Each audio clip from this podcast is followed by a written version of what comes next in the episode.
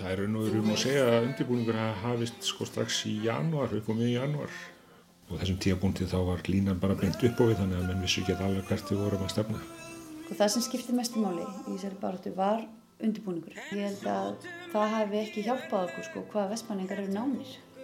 Í mars og apríl 2020 fengu vestmanningar stórt verkefni. Í vestmanninum kom upp hópsmitt. Kórunaveiran eða COVID-19 hafið dreift sér hratt um samfélagið.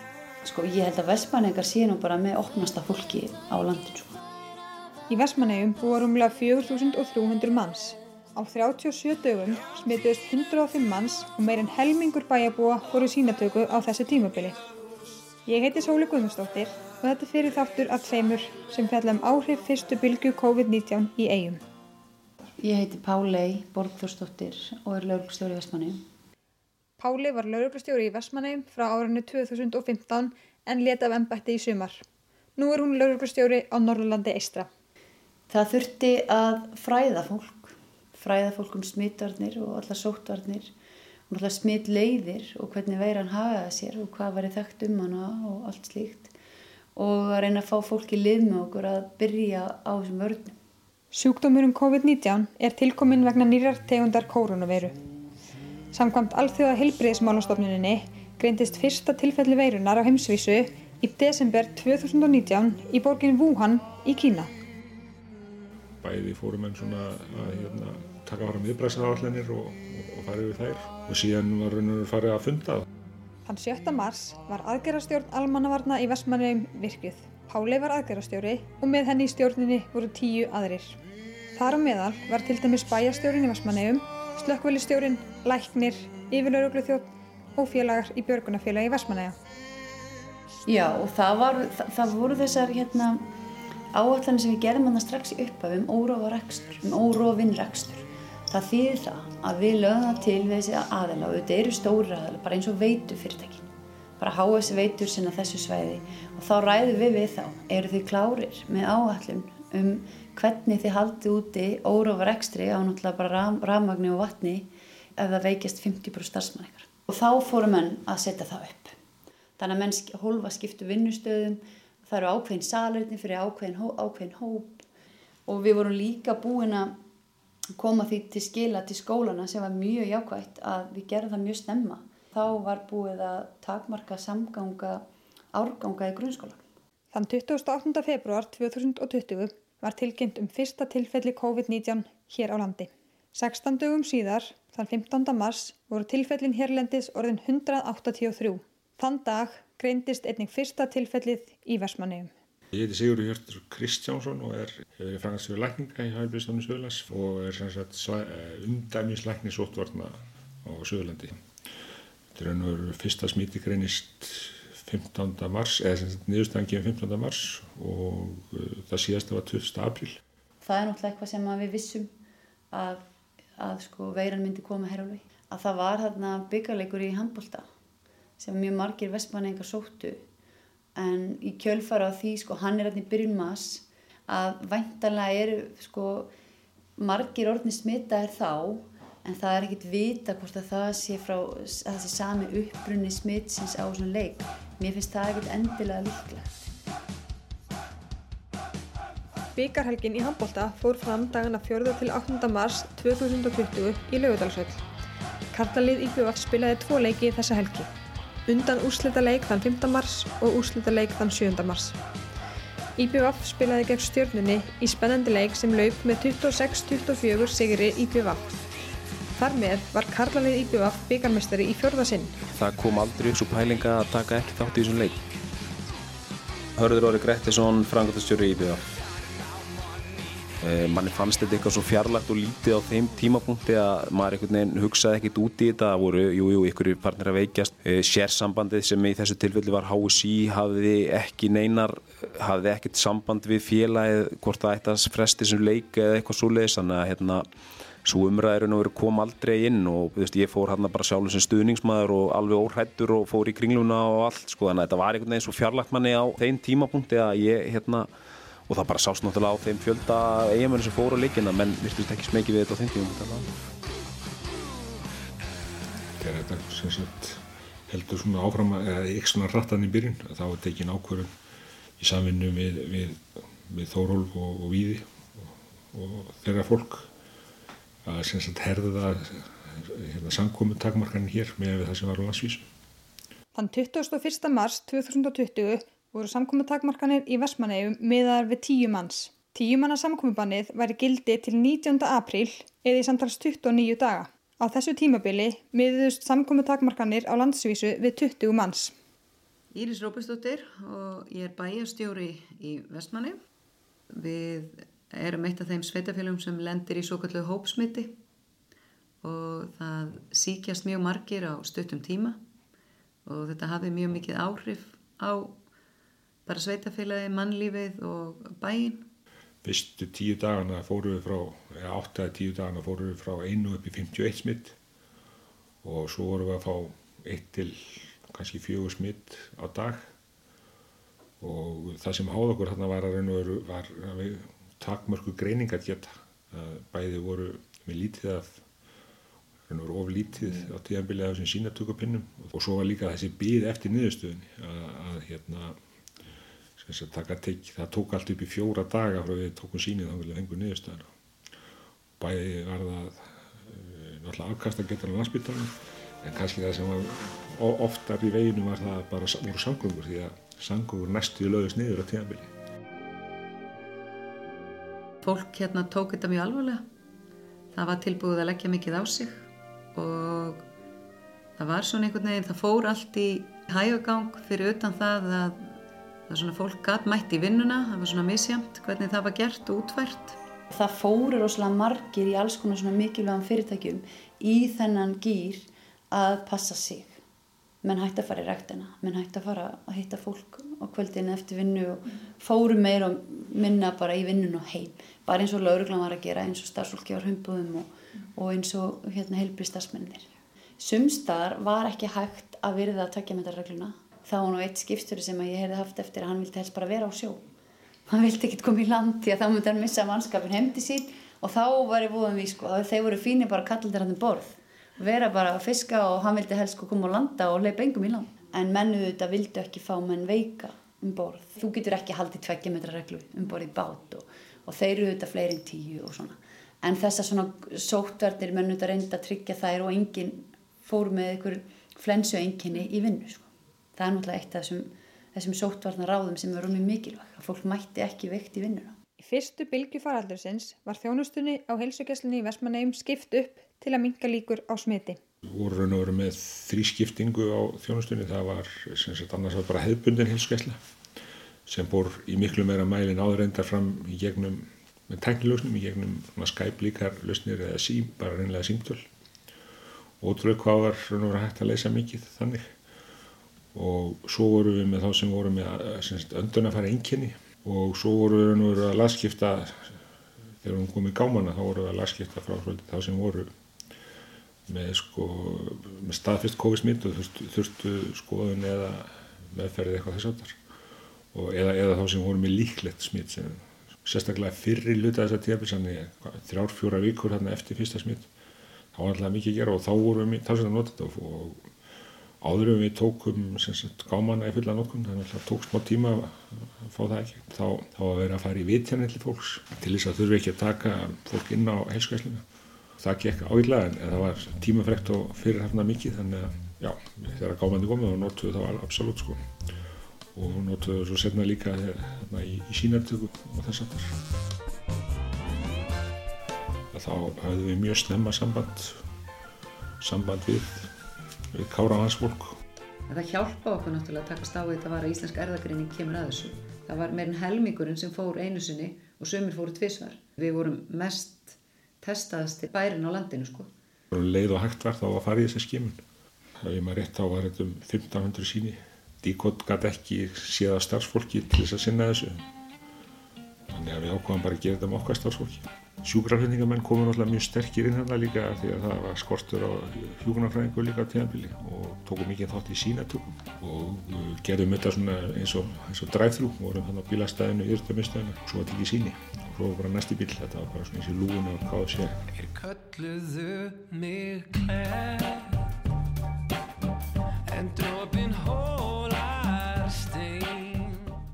Helbriði starfsfólkur yfir litt svona innstilt á að hjálpa náðan og það er svona gefur þeim kannski þá ákveðna lífsfyllingu að gera það. Sumur lendi því að dett út í sótkví og kannski gáttu ekki tekið eins og mikið þátt eins og þau hefðu viljað. Það var þvílitt mikið upplýsingaflæði á netinu, yfirlæknirinn var að setja inn nýjastu tölur og hvernig við ættum að hafa okkur. Mann fannst mjög erfitt svona að standa utan við þetta, vera bara heima einhvern veginn, vitandi eiginlega að maður var ekki með COVID en samt að geta ekkert hjálpa til. Ég heiti Ragnhildur Perla Hjaltadóttir og ég er hjókunarfræðingur á sjúkradeldinni í Vestmannum sem að tilherir HSU eða Heilbjörnstofnun Suðlands. Við fjölskyldan fórum þess að til Spánar hann um meðan mass. Ég átti vetrafri í vinnunni og það var lengur planað og svo tveim dögum eftir að við vorum komin út þá bara fengum við skilabóðum að það væri búið að loka landinu. Þannig að við flugum heim fyrir náttúrulega var og komum til Vestmanni og vorum hérna í sótkví tvær vikur. Ég man að loksist þegar ég fekk að mæti í vinnu átti ég að koma að nætuvakt og við erum sérst alltaf þrjára nætuvakt og ég talaði stelpun að gjössala í kaf á nætuvaktinni og því ég var svo glöð að geta að tala um einhvern annan en manni minn. Eh, við sérst alltaf losnum úr þessari sótkví hana í lok mass og við ákveðum að senda dóttur okkar á leikskólan hann á tvo daga eftir bara því að ég þurfti að vinna og maður minn þurfti að fara í vinnuna líka og í leikskólanum var sérst búið að skipta krökkunum upp þannig að þau voru bara fimm saman og bara eitt kennari. Og við einhvern veginn ákveðum bara að taka áhættan á því. Nema svo helgina eftir þá fæ ég bara símtal frá leikskólakennarunum að hún sé komið með COVID. Þannig að stelpa mín þurfa að fara í sótkví aftur í tværaugur og þetta var náttúrulega mikið bara áfall. Ný komin úr sótkví og hún náttúrulega bara tveggjára veit ekkert hvað er að gerast og skilur ekki akkur um ekki hitta um og afa og loksis fann að mig að fara aðeins út. Og ég er náttúrulega nýkomin aftur í vinnuna og svona finnst ég loksis að geta hjálpað eitthvað til og hann að við maður minn setjast bara niður og hugsa um hvað við getum gert. Og hann býðst til að fara bara heim með stelpuna og fara í sóttkví svo ég geti fara að vinna. Og sem var náttúrulega mjög erfi ákvörun en ég hugsaði bara að ég einhvern veginn ég hafði það bara ekki í mér að fara aftur í tveggja vegna sóttkví það var fólk að dett út í vinnunni að vantaði þannig að ég ringdi bara deltastjóran og hún pantaði fyrir mig á hótel hótel Vestmannegar þannig að ég fó bara með allt mitt dót hann í ykkur íþróttatösku og hótel. Og þetta var mjög svona surrealist búa hótel í sínum heimabæ. Og bara, já, náttúrulega engin starf sem einhvern veginn á hótelinu maður bara svona fór í vinnuna og lokaði sér svo þar inni Ég man ég þurfti einu svona að fara í búð að kaupa mér einhvern mat, ég fóð bara með hanska og grímu og spritt og allt saman, bara horfið valla upp. Þetta var mjög skrítin tíma og virkilega erfitt að fara frá stelpunni og manninum, veit einhvern veginn að þeim hann að tveim heima. Ég fekk leiði til að þjappa bara vöktunum mínum, hann er vann alveg hverjum degi í ykkur 8-9 daga og að því svo var að koma páskar og ég gæti bara ekki hugsað mér að skilja þau eftir tvöum páskana. Að leina stundum gimsteinar í götunni Þannig að ég fór þá til þeirra þessa síðustu dag og kláraði með þeim sótkvína af því að þá var hún sérst alveg einnkjörna laus og þau bæði. Þannig að ég var mjög glöð með það þetta var alltaf virkilega erfitt að vera í burtu frá þeim. En eins og ég segja þetta var samt eitthvað svo auðveld ákverðun að því að maður bara maður vildi hjálpa til, maður vildi vera þannig gera sem maður gatt en þetta var auðvitað mjög erfitt samt, ég greit alveg þegar ég þurfti að skilja það eftir og lappa hana með þessa íþróttatösku á hóteli. Það sé stætt En það er jafnan fánýtt ef ég finn þig ekki það Þannig að það voru nokkri stafsmenn sem fór út af heimlunum og ég eitthvað var talsett álega þessu en þetta er náttúrulega gert mitt til þess að hindra eða frekvara brottfall mitt, eins og ég segir. Hefði geta verið stránt til tekið sem þetta reglum inn á heimili með barni eða aðstæðanda Þeir eru þá kannski dotti út sjálfur í sókvi ef einhver á heimilinu hefði greinst og hefðu líka hugsanlega eins og reynda að koma meira setnilós geta borið smitt, að fólk er smittandi áður en að fara engin. Ég hjá mér persónulega var, uh, var þetta ekkert alveg einfall, getum alveg sagt að við hefum farið að hálf gett neðast í fjölskylda líka sko að óna mín lendir í sótkví mjög fljótlega. Davíð Egilson, yfirleiknar á heilsugjastlunni, hún vann heima á sama tíma var hún með tvo krakka í, í heimakennslu og, og eitt leikskólakrakka sem sem í rauninni þurfti líka að vera heima í svona hliðarsótkví. Fólk reynda aðstóð eins og hægt var en, en ég meina ömur afar máttu helst ekkert komin á heimili heldur og, og sama tíma var ég náttúrulega bara allan daginn í vinnunni og, og á þessum tíma sem hún fór í sótkví þá var ég komin á hótel til þess að forðast að lenda sjálfur í sótkví ef ykkur í fjölskyldur myndi veikjast. Við vorum þar með þessa tveir læknandir á heilsugjastlinni af því að það voru sótkvíjar í kringum okkur þannig að við reyndum bara að halda okkur til lés, hitta sem fæsta og, og og svo mættu við bara hérna mótana og vorum komin aftur á hótelum kvöldi þannig að þetta var mjög sérstætt ástand. Þetta var bara eitthvað tímabili við vissum það bara. Þetta, við verðum bara að taka þetta frá í dags og gera best úr þessu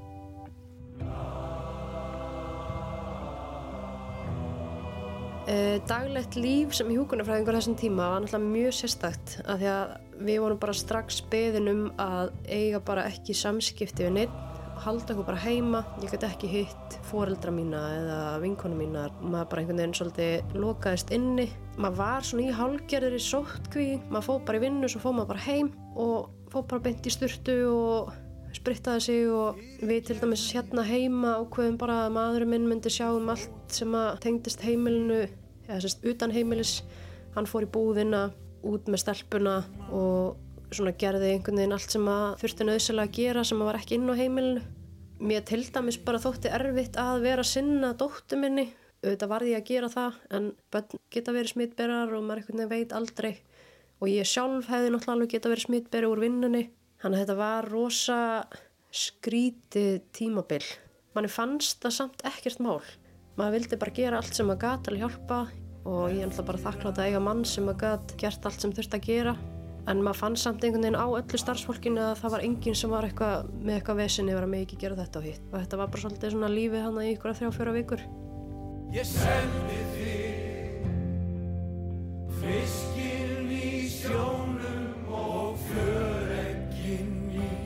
Já, við vorum alltaf búin að undibúa það að þurfa að taka inn fólk sem var með líklegt að staðfist mitt þó svo að allir maður hefur verið gert ráð fyrir að þeir sem þurfti að leggjast inn færu á landsbytran þannig að við vorum búin að gera ráð fyrir að, að, að, að taka skurstofugangin setja bara sér svona COVID-deilt þar sko. Eins og sangungur eru hérna stundum að það náttúrulega getur verið að þú komi fólk ekki fyrir neftir nokkra klukktíma eða jæfnvel sólaring á, landsbytran en við vorum ekki með þurftum aldrei á því að halda vorum í tvíkvang með fólk svona sem var alveg á mörgón annan sjúklingin gátt meðhendlað í heimahúsi og í komundili var líka þá ekki komið með greiningu. Og svo næsta dag þá lág greiningi fyrir og þá hafði við komandi vestna líka þannig að þá fór þessi sjúklingur með sjúkraflíði og beint á landsbyttar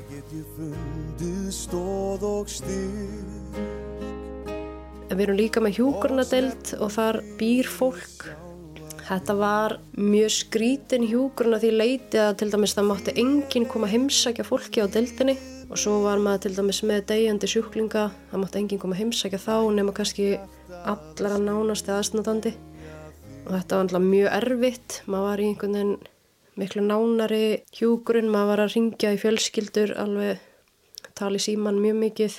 Það var uh, allt öðru sjálag það var alltaf mikið símaviðtöl það voru hjúgrunfrængar og, og, og hérna, sjúkrarlega sem voru heima og voru jafnvel aðstofað þar með símtölum.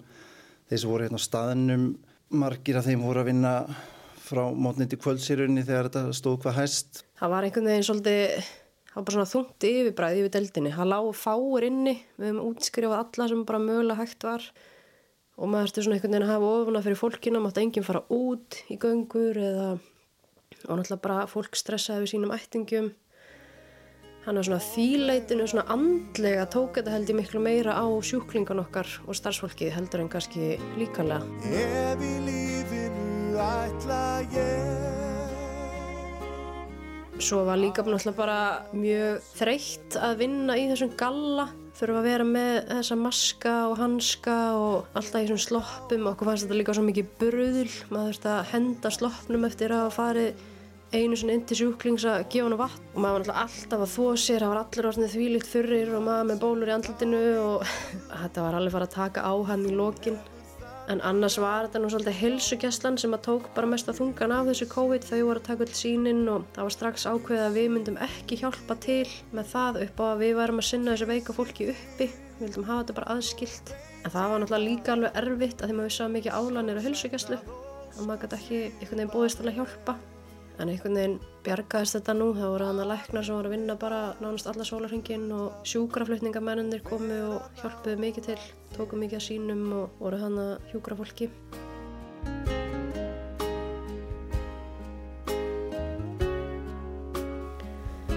Að þetta var svona mjög sérstakur tími. Við fundum líka hvað þetta þjappa okkur saman. Við einhvern veginn hafa voru svona allir tilbúinir að mæti vinnu eður gátu og bara hliðra sínum vöktum og bara allir bánir og búinir að gera allt sem er gátu. Kanski er svolítið erfitt að lýsa því sko. Um, ég get ímynda mér þetta að sé eins og einhvers konar ykkur svona strís ástandi eða veist ég hef náttúrulega engan, engan samanbörð en, en það er mjög skrítið andrúsloft þú veist fólk var jákvæmt og unna allir mjög vel saman en þetta fann maður það að fólk var áekki fullt sérstaklega þegar að bættist við fjölumrökk smitt á hverju degi hérna í nokkra daga en eins og ég var stemningi var, var góð þú veist það voru allir jákvæðar og unnu saman og, og þetta gekk mjög vel. Og svo fórum við líka að fá alls konar svona gafir og fyrirtækinu Vestmannum voru að koma með veitingar. Maður svona fann þvílingan hlýhug frá fólki sem var náttúrulega alveg gerði mann gott. Því við vorum stundum bara eina fólki sem var að vinna meðan allir aðra ráttu bara að halda sig heima.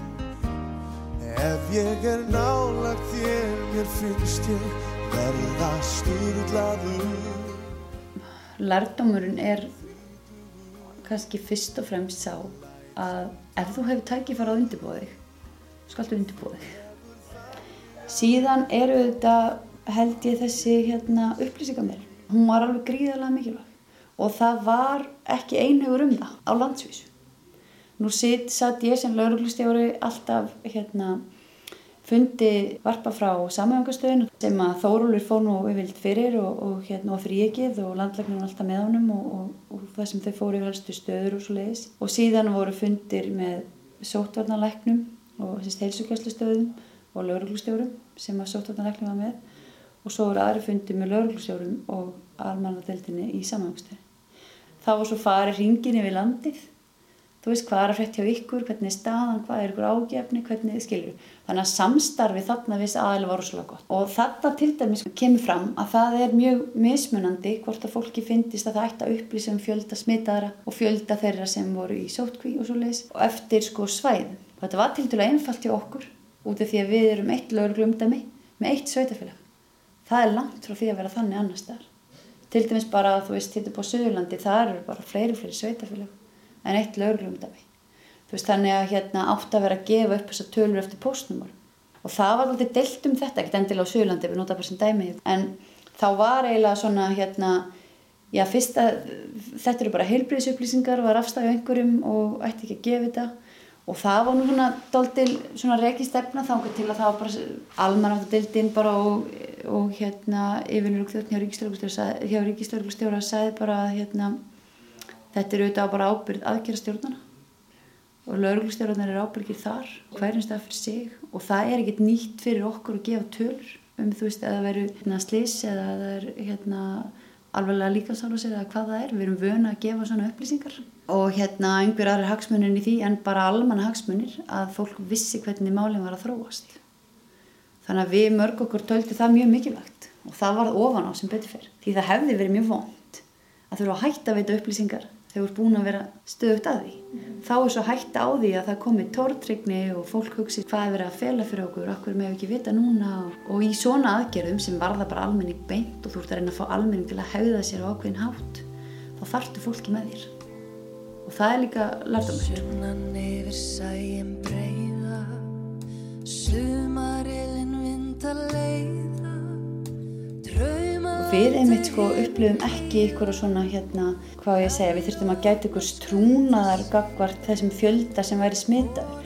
Í Vestmannum fannst okkur frekar að fólk hafði saman með þeim sem voru veikir og maður fann það svo í smittarhengunni þegar við verðum að tala við fólk að hérna hvort það hefði nú hitt hennan og hinn og verið með honum þarna eða eitthvað að þá fór fólk undartekningalust bara í ó greið, enn leiðilegt og hvernig er hilsan og eitthvað skilur. Það var ekki svona ásaganir. Það var rætt að það var, kom einhver staðar í fjölmjölum að, að hérna, orði smitt sko, þetta bara auðvitað við alls ekki vörfið. Sko ég held að vestmæningar sé nú bara með opnasta fólki á landin. Sko. Þeir eru með frekar svona, hérna, svona opnir og hreinskilinir með sitt og það er í svona tilvíkum bara mun betra en það er ekkert sko viðnett að sakast í þessu.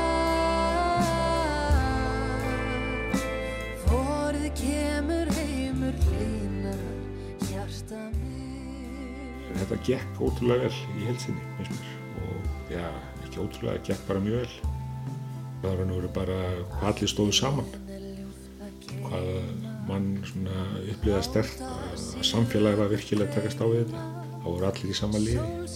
Ekki bara sagt, starfsmenn, stofnunar eða vinnustæðar, bara íbúar í helsinni. Það voru allir einhvern veginn svona að sama borti og styðja hvern annan það var ótrúlega lítil neikvæðin í gangi allavega sem ég var að vafa við það var alltaf óvisa með framhaldið hvað gerist og veist hversu mikið verða háskólar gangandi og svona alltaf er efnaðarspátnar er ekki rosalega góðar þannig að það er alls konar svona óvissu skí og það er alltaf bara að takast á verkefnin eins og við komum og vera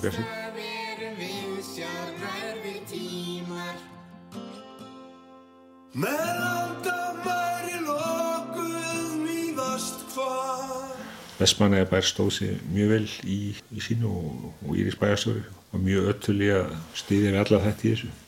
Og svo náttúrulega lauruglan og þeirra aðgerðir það sem að lauruglan hér var að gera sem var ekki algengt að gerast var að þeir voru tókast þeir að vera út í bú frá smittrækningateiminu Páli var náttúrulega mjög, mjög aðtörku sömu í þessu líka og náttúrulega var litið aðgerðisutn smitrakningin sem við tókum og þátti hérna ennbætti hér, lauruglanbættið, að vera með þessar svona, hérna, þessar staðarþekkingu við smitrakningu. Það skiptir máli þegar þú færð hérna, lista við fólk sem að tengist einhverjum er búin að vera í nánu samskipti við einhvern sem er smitaður að við þurftum ekki langu tíma til átt okkur því hverja þurft að ná fyrst. Þarna voru kannski heilbrið starfsmenn, starfsmenn sem störfu með þannig þjónustu að þeir voru að umgókast mjög marga. Þannig að við vorum svona fljóta kipp út þessu fólki í sótkví. Við viljum auðvitað meina að það hefði ger, gerst hraðar hér en ef þetta hefði verið synd annar staðar. En vissulega voru menna sinna alveg gríðarlega flottri vinnu í smitræningunni á höfuborgsveðinu og við urðum bara svona útibú frá þeim. Þeir stjórnuði í rauninni. Fyrstu símtölinn fór alltaf frá þeirra hjókurumfræðingum til þeirra sem voru smitaðir en svo tóku við þessari vinnu sem að lauruglumenninni voru í. Og lauruglumenn hérna í rannsókninni tóku svolítið boltan og það skiptir auðvitað líka máli þá hversu hrætt þetta gerist því að þegar við erum að fá mörg smitt hér þá á sama tíma er mjög mikið að gerast á höfbruksæðin þá voru þeir hérna, störfum hlaðnir. Þannig að þá auðvitað var gott að geta hjálpa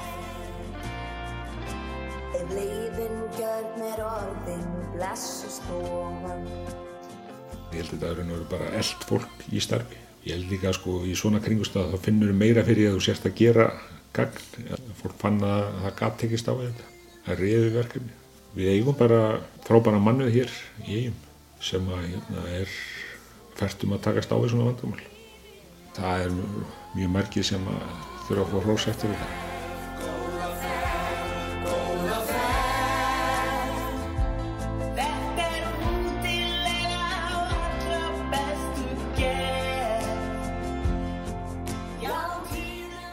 Í næsta þætti verður fjallað um áhrifin á hinn almenna íbúa í Vestmanniðum.